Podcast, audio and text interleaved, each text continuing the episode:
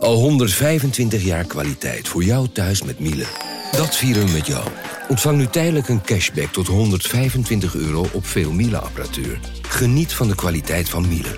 Voor perfect verzorgd wasgoed en kleding die veel langer mooi blijft. Voor een stralend schone vaat, even perfect als jouw diners. En een stofvrij thuis waarin echt hygiënisch schoon de standaard is. Check miele.nl voor alle feestelijke aanbiedingen. Vanaf de redactie van NRC het verhaal van vandaag. Mijn naam is Thomas Ruip.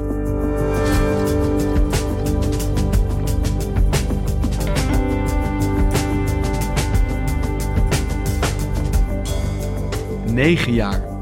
Zo lang hebben verschillende kabinetten, vakbonden en werkgevers het geprobeerd. Nu ligt het er dan eindelijk. Een pensioenakkoord. Economieredacteur Menno Tamminga volgt de pensioenenmarkt al sinds 1994 en zegt: Dit moment is belangrijk. Ook voor jou.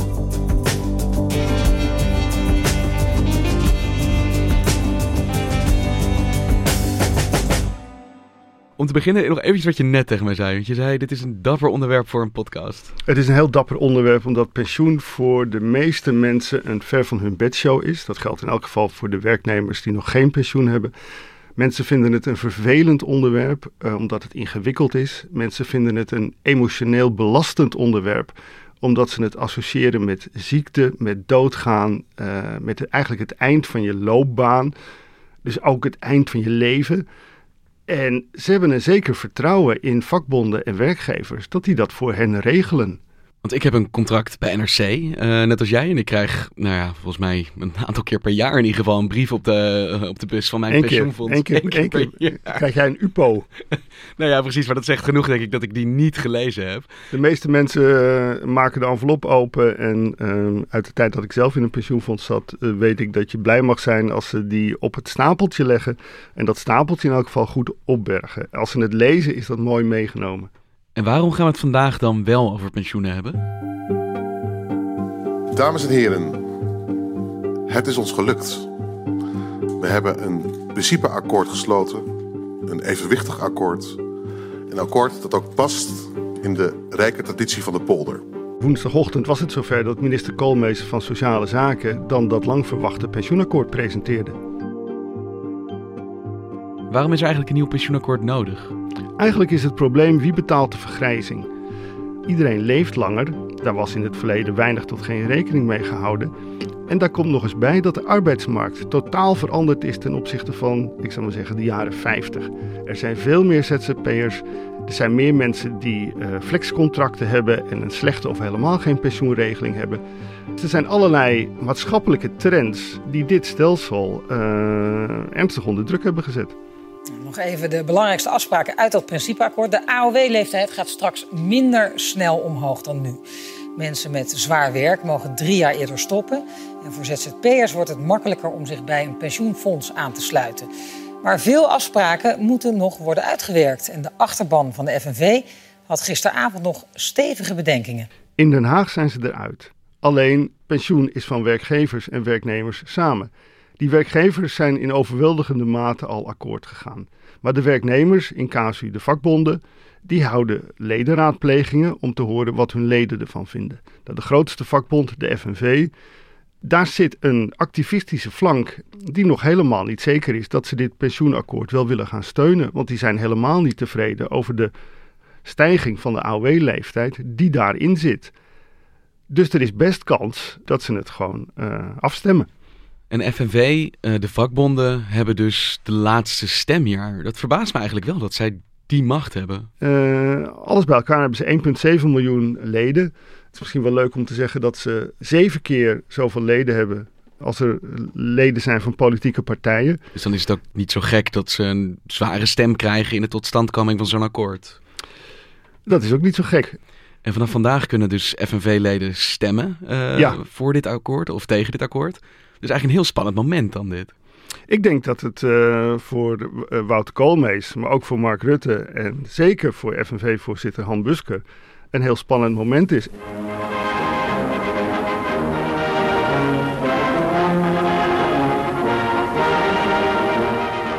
Het is 1945, Nederland is bevrijd en de babyboomers worden geboren. Dat is uh, de grootste generatie uh, die, we, die we sindsdien hebben. Overal in Nederland, op alle terreinen van het dagelijks bestaan, ontstond direct na de oorlog nieuw leven. De grote geboortegolven van de naoorlogse jaren roepen om verdere bouwactiviteit. Veel jonge paren trouwen eerder dan vroeger het geval was. Zij willen een huis en geen luchtkasteel. En die babyboomers, die gaan allemaal voor hun pensioen uh, sparen. En die gaan allemaal de AOW van hun vader en moeder uh, betalen. En dat is in het begin heel erg makkelijk, want er zijn relatief weinig ouderen. De economie groeit en bloeit. Er zijn heel veel babyboomers, dus met z'n allen kunnen ze dat uh, gemakkelijk ophoesten. En dan zie je in het vervolg, als we dichter bij de huidige tijd komen, dat elke economische crisis, en die gaat dan bijna ook altijd wel gepaard met een beurscrisis, is een moment van, ho, gaat het wel goed? Uh, moet er niet iets gebeuren? Je hebt in de jaren 80 van de vorige eeuw een enorme economische crisis gehad. Die is op dit gebied redelijk gemakkelijk uh, opgelost, want er waren nog steeds weinig ouderen en er waren nog steeds heel veel werkenden. Dan krijg je 2001, 2002 de opgeblazen koersen van de interneteconomie. The crash of 2000, the dot-com crash. Snelle en spectaculaire winsten werden voorspeld, maar daar kwam in de praktijk niks van terecht. Verse gebakken lucht.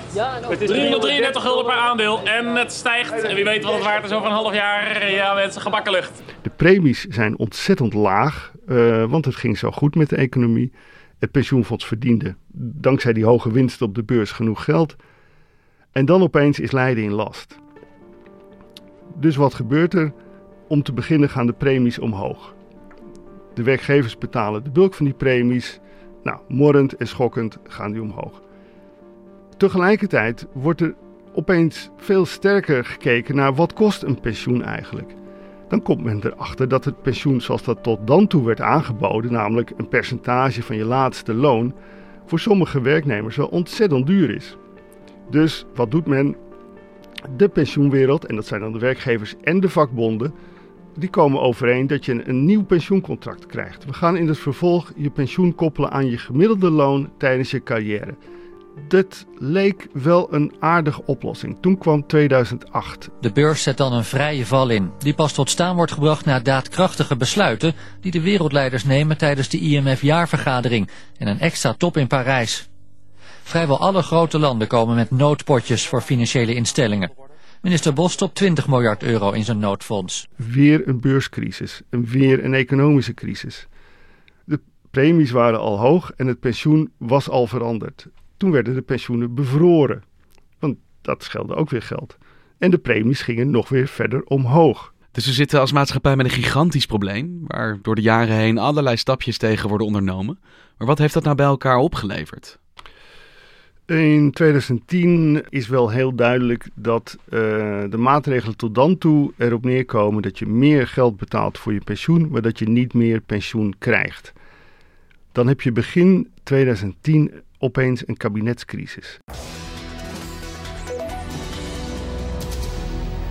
Dames en heren, goedenavond. Een val in slow motion, de langzame val van het kabinet Balkenende 4 het kabinet Balkenende is gestruikeld over de vraag of Nederlandse militairen wel of niet langer moeten blijven in Oeruzgan. En dat betekent dat er nieuwe verkiezingen komen. En dat betekent dat de werkgevers en de vakbonden opeens een kans zien om te zeggen: hé, hey, als wij nu met een nieuw uh, voorstel komen, dan zou het best eens kunnen dat het volgende kabinet dat van harte omarmt. En dan is er een moment, uh, en volgens mij is het gewoon een publiek moment geweest dat uh, Agnes Jongerius, toenmalige voorzitter van de FNV, en Bernard Wientjes, de toenmalige voorzitter van de werkgevers, op een congres waren waarbij een van die twee zei: Als we nou met een gezamenlijk plan komen, dan is de politiek daar misschien wel voor in. En dat de ander toen zei, volgens mij ging die gewoon opstaan en zei: Ik vind dat een heel goed plan. Laten we gewoon de koppen bij elkaar steken. Ik denk dat niemand in het publiek dat echt geloofde, maar ze deden het wel. En ze stapten gewoon naar de achterkamertjes. En ze verrasten Nederland begin juni 2010 met gewoon een uitgewerkt AOW- en pensioenakkoord. Ja, het nieuws hier in Nederland. Wat de vorige regering niet lukte, daar zijn werkgevers en werknemers nu wel in geslaagd. Een akkoord over de verhoging van de AOW-leeftijd. Een akkoord dat door sommigen nu al historisch wordt genoemd. En dat een paar dagen voor de verkiezingen. Een paar dagen later waren de verkiezingen en ze zeiden ook gewoon: dit is het akkoord waarvan wij hopen en eigenlijk verwachten dat het volgende kabinet dat gaat uitvoeren. Dus de politiek lag op zijn gat en ze dachten: dit is een kans om het zelf te regelen zonder invloed van, uh, uh, van, van een kabinet. Werkgevers en vakbonden zien pensioen als hun zaak en ze proberen het liefst om de politiek daarmee te overvallen, te vermurven, hoe je het ook verder wil noemen. Maar zij willen graag de regie voeren. En dat speelt in die hele discussie altijd een rol. Want in 2010, wat waren de eerste plannen, de eerste stappen die gezet werden hier? Nou, eigenlijk was het in 2010 hetzelfde zoals het nu gegaan is. De pensioenfondsen zouden uh, sneller uh, pensioenen kunnen verhogen als, het, als ze meer winsten maken op de beurs. En sneller kunnen verlagen als ze verliezen maken op de beurs. Dus een flexibeler uh, hoogte van het pensioen? Een flexibeler hoogte van het pensioen, dat is de positieve uitleg. De activistische flank uh, binnen de toenmalige FNV noemde dat het casino-pensioen. Namelijk, er wordt gewoon gegokt met jouw pensioen op de beurs. En je moet aan het eind van de dag maar zien of er nog geld over is. En het, het knappe van die frame, om het zo maar te noemen, is dat iedereen natuurlijk weet dat hij uiteindelijk, als hij in het casino is geweest, met minder geld weggaat dan hij binnengekomen is. Het huis wint altijd. Het huis wint altijd.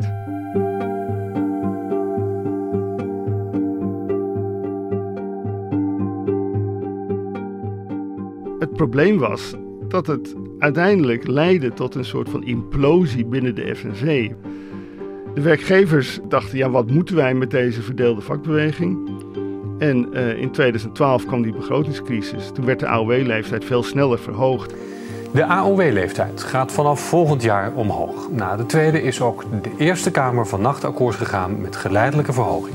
37 voor en 31 tegen het wetsvoorstel waarmee het voorstel is aanvaard.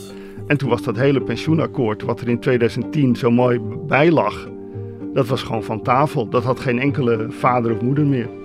Dus er was een oplossing, een akkoord, en dat is gewoon van alle kanten gesaboteerd. Omstandigheden en mensen die zich er toch tegen keerden. Ja.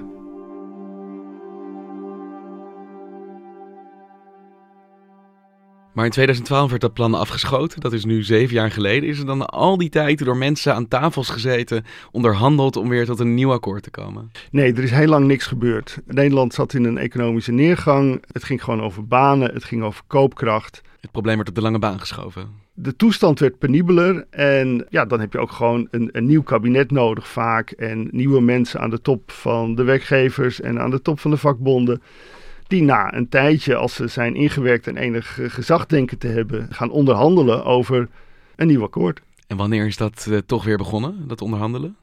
Dat is eigenlijk al heel snel begonnen met de komst van het kabinet Rutte 3. Uh, want die had een vrij duidelijk omschreven pensioenambitie in het regeerakkoord staan. Eind vorig jaar zaten ze allemaal aan tafel. En op het laatste moment kwam Mark Rutte erbij. En, en het werd toch geen akkoord. De vakbeweging zag er geen heil in vond dat die AOW-leeftijd toch te snel bleef stijgen en trok de stekker eruit. Weer. Weer. Dus eigenlijk in 2018 zaten we in precies dezelfde situatie als in 2012. Ja, en dus moet er dan een andere oplossing komen. Wout Koolmees heeft toen al heel snel gezegd: ja, als u niet met mij wilt onderhandelen, om wat voor reden dan ook, dan ga ik als minister gewoon mijn eigen verantwoordelijkheid nemen. En dan kom ik zelf al met een plan. En dan gaat dat plan gaat naar de Tweede Kamer. En dan kan de Tweede Kamer daarover praten. Dus het werd hard gespeeld, dus van je kunt niet nee blijven zeggen. Dit wordt hard gespeeld, ja. En de, de top van de vakbeweging weet natuurlijk ook dat het Koolmees gewoon menens is.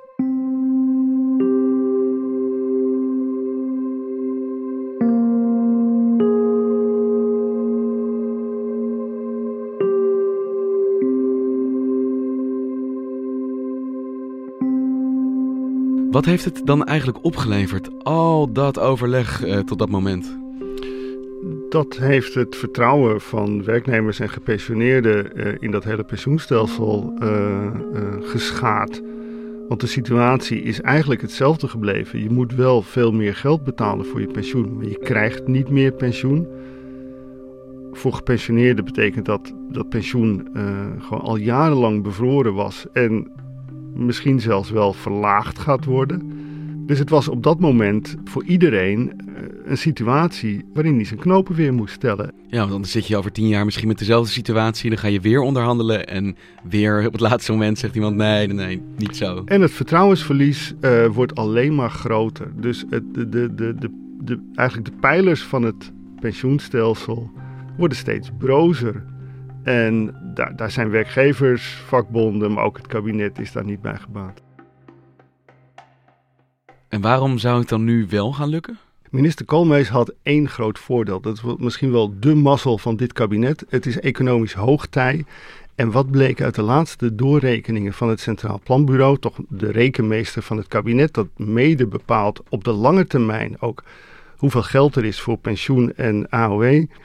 Het Centraal Planbureau berekende dat er 4 miljard euro meevaller was. Nou, er was meer geld. Er was meer geld. En wat is altijd altijd de bottleneck bij dit soort onderhandelingen. Wie betaalt het? Is er wel geld? Het is de vorige keer, dus eind uh, november, uh, gingen de onderhandelingen de mist in, omdat het kabinet niet zoveel geld wilde betalen als de vakbonden eisten. En nu had hij het geld. Dus dat betekent dat in één keer een hoop hindernissen zijn weggenomen. De AOW-leeftijd kan, uh, kan eerst bevroren worden en daarna vertraagd stijgen ten opzichte van wat het kabinet eerst van plan was. En het tweede, dat weten al die onderhandelaars ook, als je ingewikkelde knopen moet uh, doorhakken, dan kun je ze ook even uh, rustig proberen te ontwarren. En dat is wat ze nu gaan doen. Ze hebben een aantal uitwerkingsproblemen voor het akkoord. Hebben ze gewoon een beetje op de lange baan geschoven. Daar komt een commissie die gaat zich daarover uh, over buigen. De pensioenfondsen zelf uh, wordt gevraagd ook nog met informatie en plannen te komen. En dat hele gebeuren uh, dat zal nog wel een jaar of twee, denk ik, voortduren. Voordat het helemaal is uitgekristalliseerd wat het voor jou en voor mij betekent.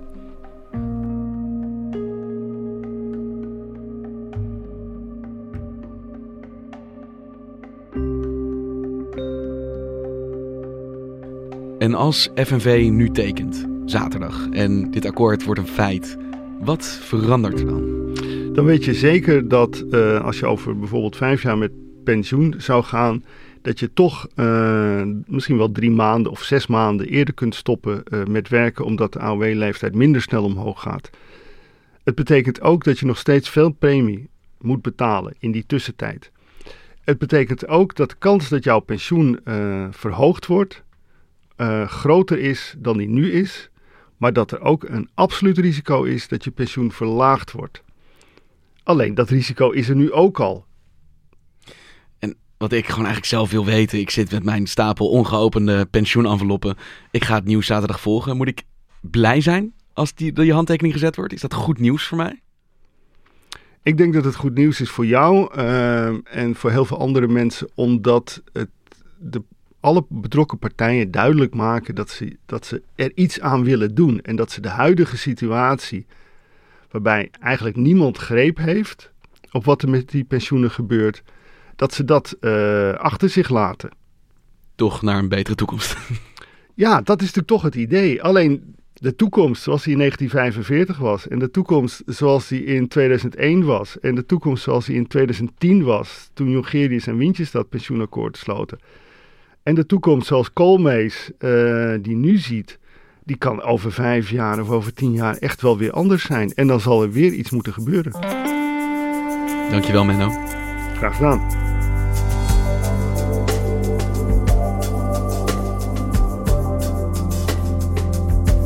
Je luisterde naar vandaag, een podcast van NRC.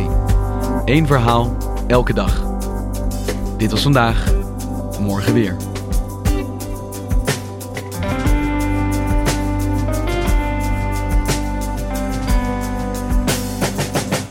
Wil je nou meer weten over pensioenen? Luister dan ook even naar onze politieke podcast, Haagse Zaken, te vinden op alle podcast-apps. Aflevering 35 gaat helemaal over pensioen en politiek. Technologie lijkt tegenwoordig het antwoord op iedere uitdaging. Bij PwC zien we dit anders. Als we de potentie van technologie willen benutten, kunnen we niet zonder een menselijk perspectief. Human-led, tech-powered noemen we dat. Ga naar pwc.nl.